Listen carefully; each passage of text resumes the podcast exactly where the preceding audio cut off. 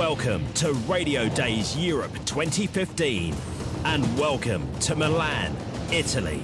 The fashion capital of Europe is hosting the world's greatest radio conference.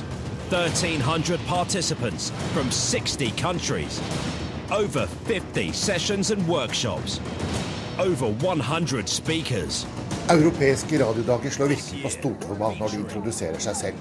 Det er sjette gangen radiobransjen i Europa møtes, denne gangen i Milano. Det er først og fremst ledere og redaktører, men også journalister og programledere og de som jobber med det tekniske. 60 land og 1300 mennesker møtes for å snakke om radioens framtid. Både den kommersielle og allmennkringkastere.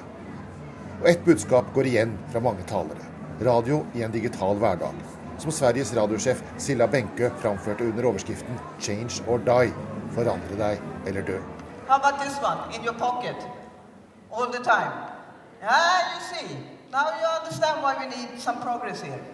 Because this is true. The mobile phone has a unique position Det handler om hvordan mobiltelefonen påvirker lyttevaner, og hvordan radioen skal overleve på mobilen i konkurranse med alt det andre som er der ute. So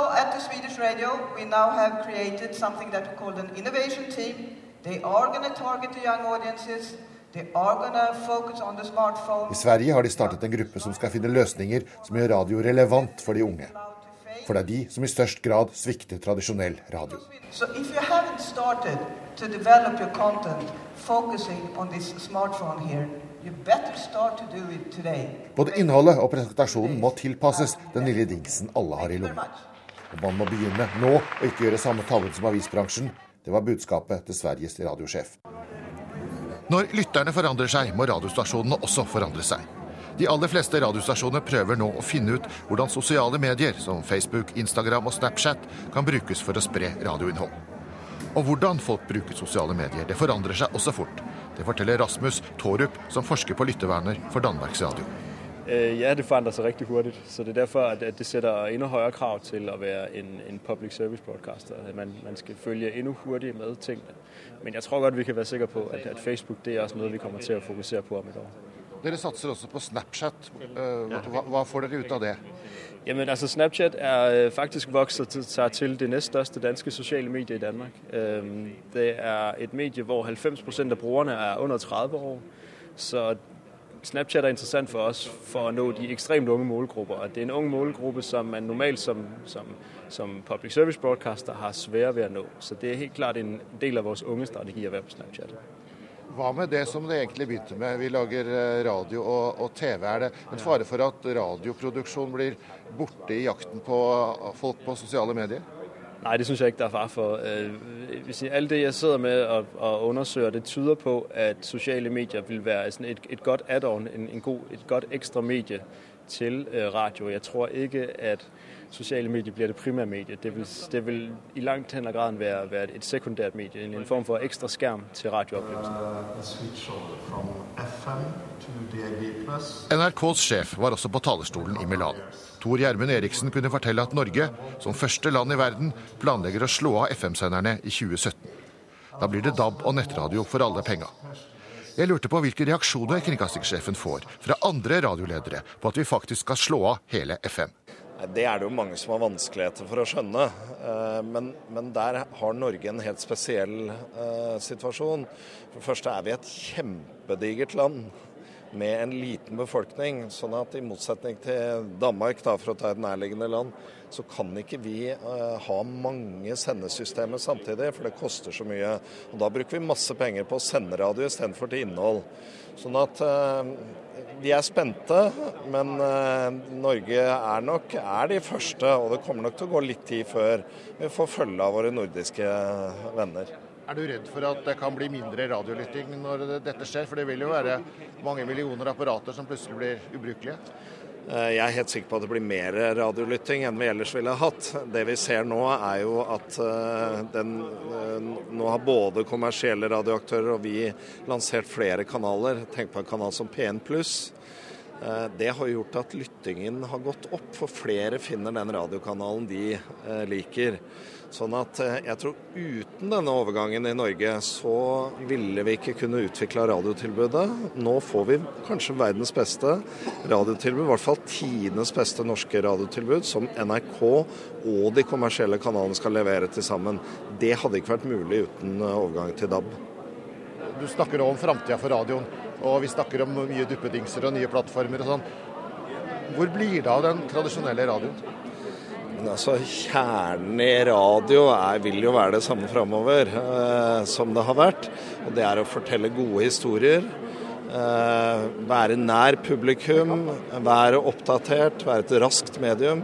Det vil jo fortsette. Men for å gjøre den jobben, så trenger også radio alle de nye digitale plattformene i tillegg til det radioapparatet vi kjenner fra før av.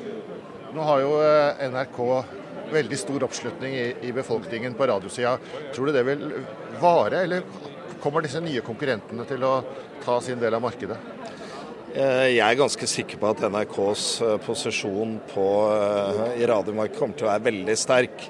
Vi måler jo at folk har tillit til NRK, liker NRK radio. Men vi ser jo også at radioen får flere og flere konkurrenter. Og i dag så er vel kanskje den største og raskeste endringen det er hvordan nordmenn bruker medieinnhold fra globale medieaktører. Og det gjelder jo både lyd og bilder og musikk og, og hva det måtte være. Når du er her på radiodager, vil du si at uh, vi i Norge har mest å lære eller mest å lære bort? Jeg vil si at vi i Norden Eh, da tenker jeg Finland, Danmark, Sverige, Norge ligger veldig langt framme. Eh, både når det gjelder eh, innhold og ikke minst det å distribuere innhold. Og Det har jo også sammenheng du, med at publikum i Norge er veldig moderne, tar i bruk nye plattformer og, og er mer moderne enn, mange, enn i mange andre land. Så, så vi ligger langt framme. Kurer. NRK P2. Et annet digitalt fenomen som har slått voldsomt an det siste året, det er podkast. Selv om teknologien har eksistert i over ti år, og Kurer var det første programmet fra NRK som ble lagt ut som podkast i 2005, så har det tatt av i det siste, spesielt i USA. Mest kjent er podkastserien Serial, en radiodokumentar som ruller opp historien rundt en drapssak fra 1999. Den slo voldsomt an i fjor høst, og nå kommer det stadig nye podkaster i USA. En av dem som er populær i USA, er Anna Sale og hennes Death, Sex and Money, som handler om møte med kjente og ukjente mennesker, som også forteller nokså intime detaljer fra sitt liv. I think it's a, a, combination of a lot of things. I think people are learning how to access them on their phones. Um, and also, there have been some tremendous podcasts that have come out in the last couple of months. Serial, which was Hun tror det er flere grunner til at podkaster har blitt populære. Både det at folk har lært seg hvordan laste dem ned til telefonen, og at det har kommet flere populære serier people realizing they could tell stories in new ways, and that audience is just growing. What's the difference between a podcast and an ordinary broadcast? Uh, you can tell stories in a different way. Um, you have uh, you don't have the same time limits. Anna Seil forteller at uh, en podkast kan fortelle historier på en annen måte enn vanlig radio. Man har ikke de samme grensene på tid og innhold, og får en annen kontakt med lytterne fordi de oppsøker podkasten aktivt.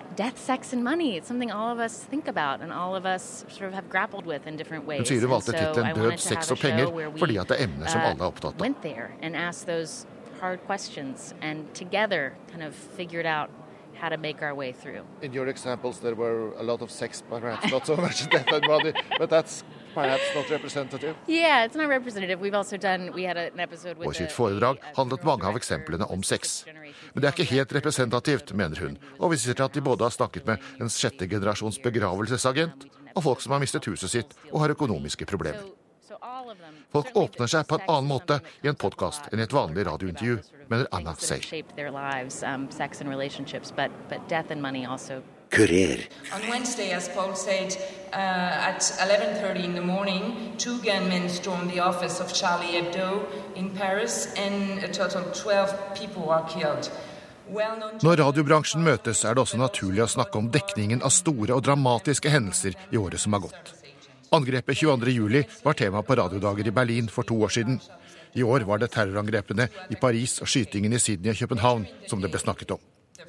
Og det som går igjen, er at man ikke vet hva som skjer. at det er vanskelig å få riktig informasjon, og at man må passe seg for for mange spekulasjoner, og at mye av det som kommer ut på sosiale medier, ikke nødvendigvis er korrekt. Anders Kink Jensen fra Danmarks Radio forteller om sin opplevelse. Vi ble rett forskrekket lige da det skjedde, og vi var veldig usikre på hva det her det var. Øh, det er jo ikke normalt heldigvis at det blir skutt øh, direkte inne i Københavns midtby. Øh, så, så vi var litt bekymret. og Vi satte vores, vores beredskap i verk med det samme. Så jeg forlod mitt hjem og tok direkte inn i, i, i DR-byen. Hvor vi ennå ikke helt, helt visste hva som skjedde. Men rett hurtig trodde vi at det var et attentatforsøk direkte mot Lars Wils. Så vi skruet ikke opp i det helt høyeste nivå. Vi trodde faktisk at gerningsmannen måske var vekk og var ute av København og var ferdig med, sitt, med, med sine ting. Ikke? Men der tok vi jo litt feil. Men jeg tror det var veldig fornuftig at vi holdt en lav profil og ikke pisket øh, stemningen opp i løpet av lørdagen. Hvilke utfordringer er det for en øh, radiostasjon når det skjer sånne ting og man ikke helt vet hva, hva, det, hva det er som skjer? Altså, Vi skal jo passe på at vi ikke overdriver og kommer til å si noe der ikke er riktig. Det er vi veldig varsomme i forhold til. Og så kan man si på, Vi har jo den utfordring i dag at der er andre medier der virker stærkere på folk. Vi vet at hovedparten av de unge om lørdagen fikk deres informasjoner fra sociale medier og fra internet, ikke fra radio. Så, så, vi vet jo godt når folk vil ha nyheter meget hurtig her og nu, så er radioen måske ikke det bedste medium. Fordi vi, vi, vil ikke overdrive. Vi har kun sproget, vi taler avdempet, og vi har måske ikke så mye å fortelle. Men jeg tror den helt store styrke i radioens fremtid i forbindelse med sånn noe, det er at vi kan gi folk baggrundsviden, perspektiv, opplysninger, sammenheng, refleksjoner, som jeg tror vores medium stadig er det beste til i hele verden. Det var diskutert her hva man skal kalle terror. Eh, her var det snakk om én eh, person med, med våpen. Er det, er det, vanskelig å vite hva som er terror? Jeg syns det er vanskelig, fordi vi skal passe på ikke å bruke ordet for titt. Det, der har jo vært noen meget store terrorhandlinger, så vi skal ikke bruke det bare fordi det er en gal mann på avveie. Jeg, jeg vil si i det øyeblikk at det ikke lenger bare var et attentatforsøk mot Lars Vilks, men at det også ramte tilfeldige personer om natten foran synagogen. Så fant vi ut av at det her det var nok terrorlignende i hvert fall. Men vi kalte det ikke terror før at han hadde lavet flere ting mot tilfeldige mennesker. Men jeg syns det er en meget svær definisjon. Men jeg syns vi skal være varsomme med å bruke det ordet for tid. Er eh, du bekymret for at eh, mediene og radioen også kan, kan skremme opp folk? Ja, det tror jeg godt, det tror jeg godt de kan. Øhm, altså Den måten vi angrep det på og behandlet det på, der gjorde vi måske litt det motsatte. Øh, fordi der var mennesker i byen i København lørdag aften, der var fester i hele byen.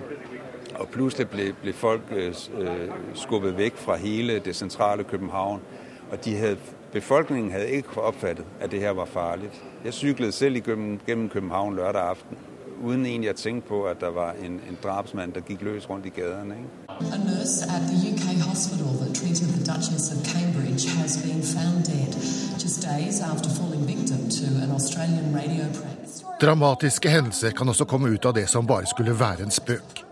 I desember 2012 ringte to australske programledere for et morgenshow til sykehuset i England, der prinsesse Kate var innlagt med morgenkvalme. De utga seg for å være dronning Elisabeth og prins Charles, og var sikre på at rar aksent og underlige spørsmål skulle avsløre dem. De trodde også at de ville komme til et pressesenter eller lignende, men ble altså sluppet igjennom rett til Kates personlige pleier. Tulletelefonen fikk alvorlige følger. Sykepleieren som satte over telefonen, tok livet sitt tre dager seinere, og klandret i et selvmordsbrev de australske radiovertene. Det som skulle være en uskyldig spøk, fikk store konsekvenser for de to, Mel Gregg gjorde inntrykk på mange der hun sto på scenen og snakket om sitt livs store tabbe.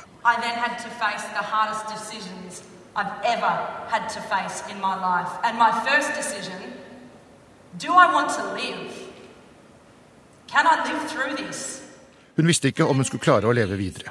I to år etter hendelsen var hun dypt deprimert.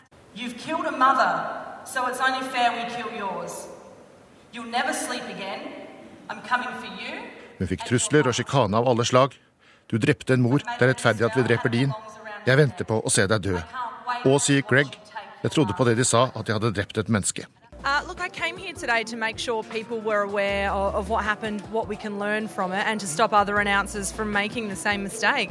We just have to think of others before we make stupid decisions like that. Hun sier hun kom til Radio Days for å advare folk mot å gjøre samme tabbe. Ring aldri tulletelefoner uten at du vet at den i den andre enden tåler det. You don't need to embarrass someone. You don't need to make a mockery of someone to get comedy. Tulletelefonen var faktisk tatt opp dagen før den ble sendt, og vurdert av en produsent. Likevel mistet Greg og makkeren jobben, og hun får fortsatt ikke jobber i australsk radio. En del av radiodager er et utstillingsområde der ulike leverandører til radiokanalene viser seg fram. Annet har produksjon av jingler, altså korte lydsnutter med tale, musikk eller sang, blitt noe mange satser på. Kurer. Ja, en sånn som denne her. Vidar Brennodden er lydprofilsjef i NRK og tar meg med rundt. Han mener jingler er viktige.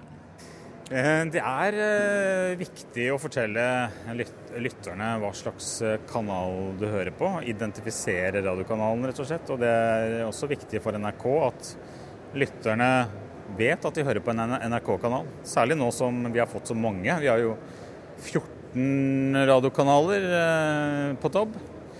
Det er, det er, jo litt mer enn det som ligger i jingler. Det er ikke bare å identifisere. Også, de er også med på eh, merkevarebyggerkanalen. Og de er jo med på å lage en sånn god flyt i sendingene. For, for veldig mange radiostasjoner så er det viktig at ting flyter fint over i hverandre.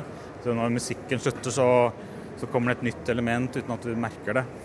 Og da er jingler, eh, og, eller imaging-elementer, som vi sier, er med på, på, å lage den flyten. NRK har jo tradisjonelt laget eh, disse sjøl, men eh, mm. Etter hvert så det firmaet her har dere brukt?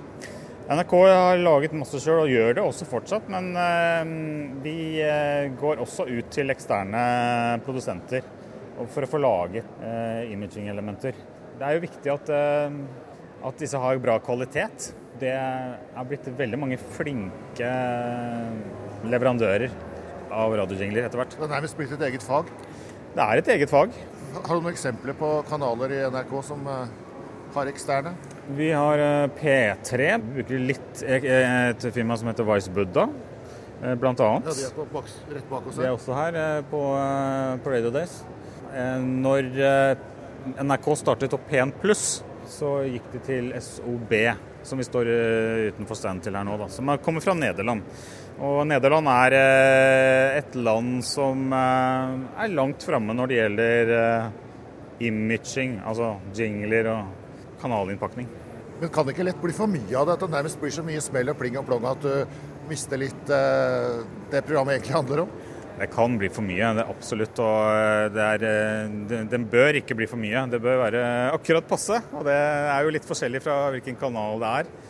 En hit-radiostasjon er jo eh, bruker jingler mye mer enn det f.eks. P1 Pluss gjør. Og her i P2 er det kanskje ikke så mye heller? P2 har også jingler. De er instrumentale, sånn som P1 Pluss delvis. Og er det P2s jingler gjør, er å eh, binde kanalen sammen. Sånn at ikke en eh, P2 består av masse forskjellige programmer som høres forskjellig ut, men at, er, men at du, du, skal skjønne at du hører på én radiokanal. Og det gjør jinglene Eller det er i hvert fall jinglene mm, med på å gjøre, da. Binde hele kanalen sammen.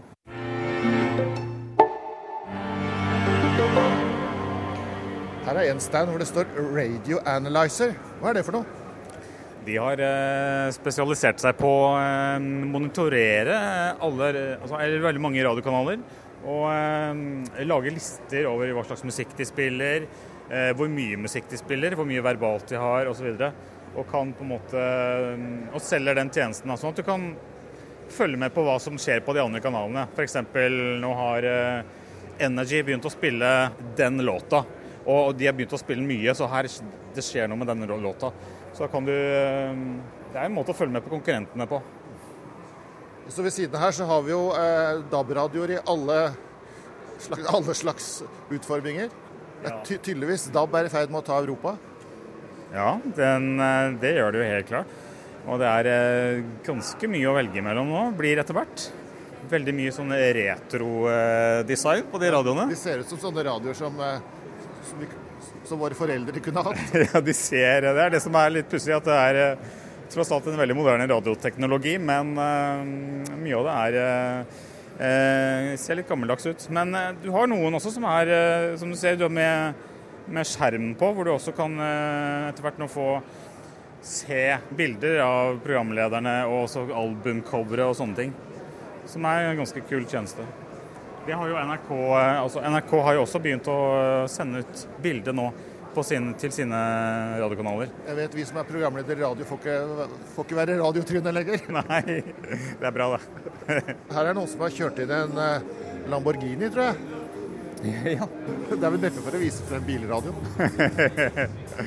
det er vel for å få litt oppmerksomhet. Så er det Det er jo 1300 folk, folk, radiofolk på denne konferansen, så man må nok eh, vise seg frem litt for å få oppmerksomhet.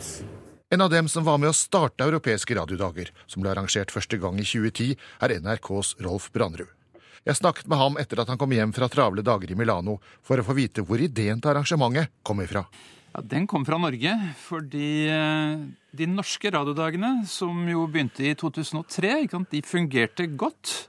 Det var et samlingssted for eh, både NRK-folk og eh, kommersiell radio, P4 osv. Og det fungerte godt. Og da jeg overtok de norske radiodagene i 2006, så så jeg at eh, vi kan samarbeide med Danmark og Sverige og spleise på foredragsholdere og lage enda bedre program. Og så at nå var det en mulighet for å lage en genuint europeisk radiokonferanse. Og jeg tror jo også at sånn rent historisk så begynte vi på riktig tid. Radioutviklingen vil jeg summere i tre faser. Først var det monopolet. Så kom konkurransen, ikke sant? i vårt tilfelle med P4, med Bustav Føk i begge retninger. Og så kom digitaliseringen. Og når det kommer til digitaliseringen, så har uh, allmennkringkastere og kommersiell radio ganske felles interesser i å utvikle radiomediet. Og det er noe av det fellesskapet som Red Days Europe ble bygd på. Hva er de viktigste temaene, problemstillingene for europeisk radiobransje nå? Nei, altså digitaliseringen er viktig, men, eh, men der, der, er man jo i veldig ulike tidsfaser. Nordvest-Europa tenker veldig klart i retning av både digital kringkasting og internett og alt det andre digitale. Mens da lenger sør og øst så er man ikke kommet så langt. Men, eh, men dette, er, dette, er, et tema som står sentralt. Og for alle så står integreringen mellom radio og internett og interaktivitet veldig sentralt.